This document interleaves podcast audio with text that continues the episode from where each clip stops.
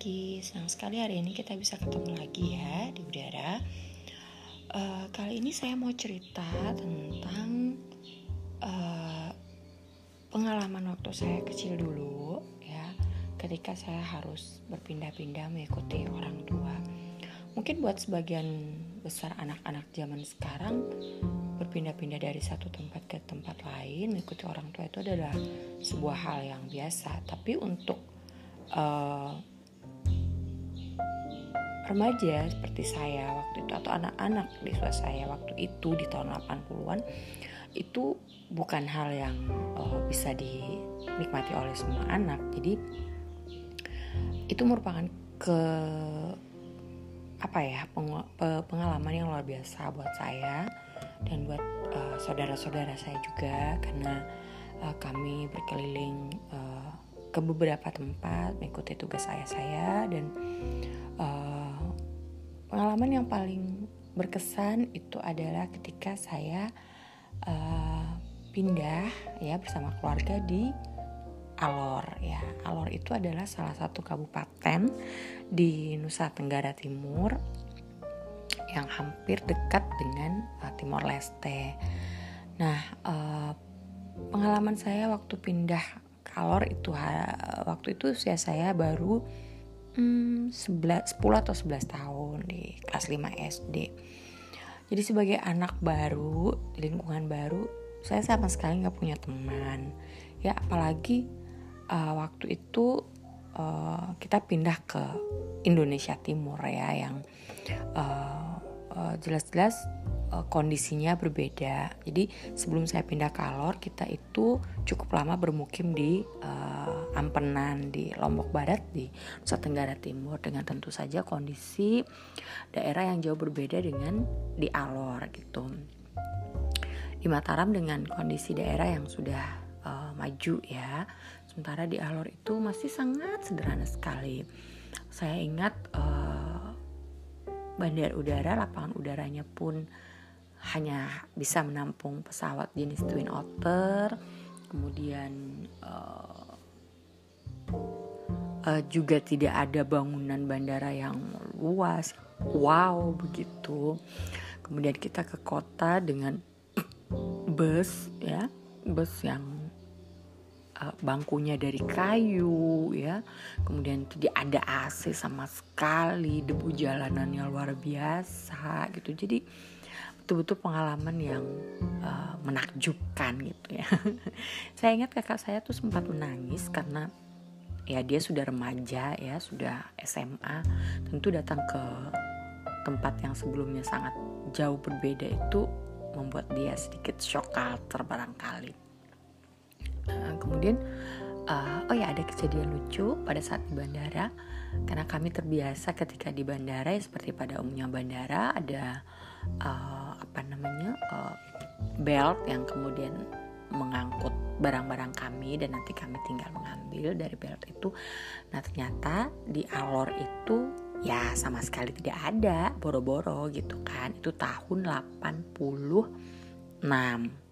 Uh, jadi uh, kami sekeluarga menunggu kok barang ini nggak ada gitu kan tiba-tiba baling-baling pesawat itu udah mau terbang lagi sudah terus ayah saya bertanya pada petugas pak barang-barang kami mana ya pak itu harus diambil sendiri katanya. Diambil sendiri dari pesawat. Hah? Gitu. Akhirnya ayah saya dan kakak saya yang laki-laki itu segera mengambil barang-barang dan sebagainya. Itu pun masih ada beberapa barang yang tertinggal di bandara Kupang. Itu karena pesawatnya nggak nampung lagi kan. Nah, singkat cerita kita ke kota nginap di sebuah penginapan yang saat itu ya sudah paling bagus lah ya milik seorang uh, apa namanya uh, uh, tua adat uh, raja di Alor jadi dulu Alor ini adalah sebuah kerajaan gitu nah dia uh, seorang raja yang uh, masih ada sampai saat itu. Kemudian beliau dengan sangat luar biasa baik sekali uh, menyambut kami sekeluarga yang dari luar gitu. Uh, banyak pengalaman lucu yang saya dapatkan di Alor. Salah satunya adalah saat itu saya sudah berkacamata. Jadi saya anak umur 5 kelas 5 SD sudah pakai kacamata dan cukup tebal dan ternyata di alor itu belum pernah ada anak kecil yang berkacamata nah lucunya setiap saya duduk di teras uh, kamar hotel itu kamar penginapan itu setiap orang yang lalu lalang itu kemudian berhenti dan memperhatikan saya, melihat-lihat saya. Mungkin dalam hati ini anak kecil apa nenek-nenek ya gitu. Kalau dibilang nenek-nenek, kok masih imut gitu.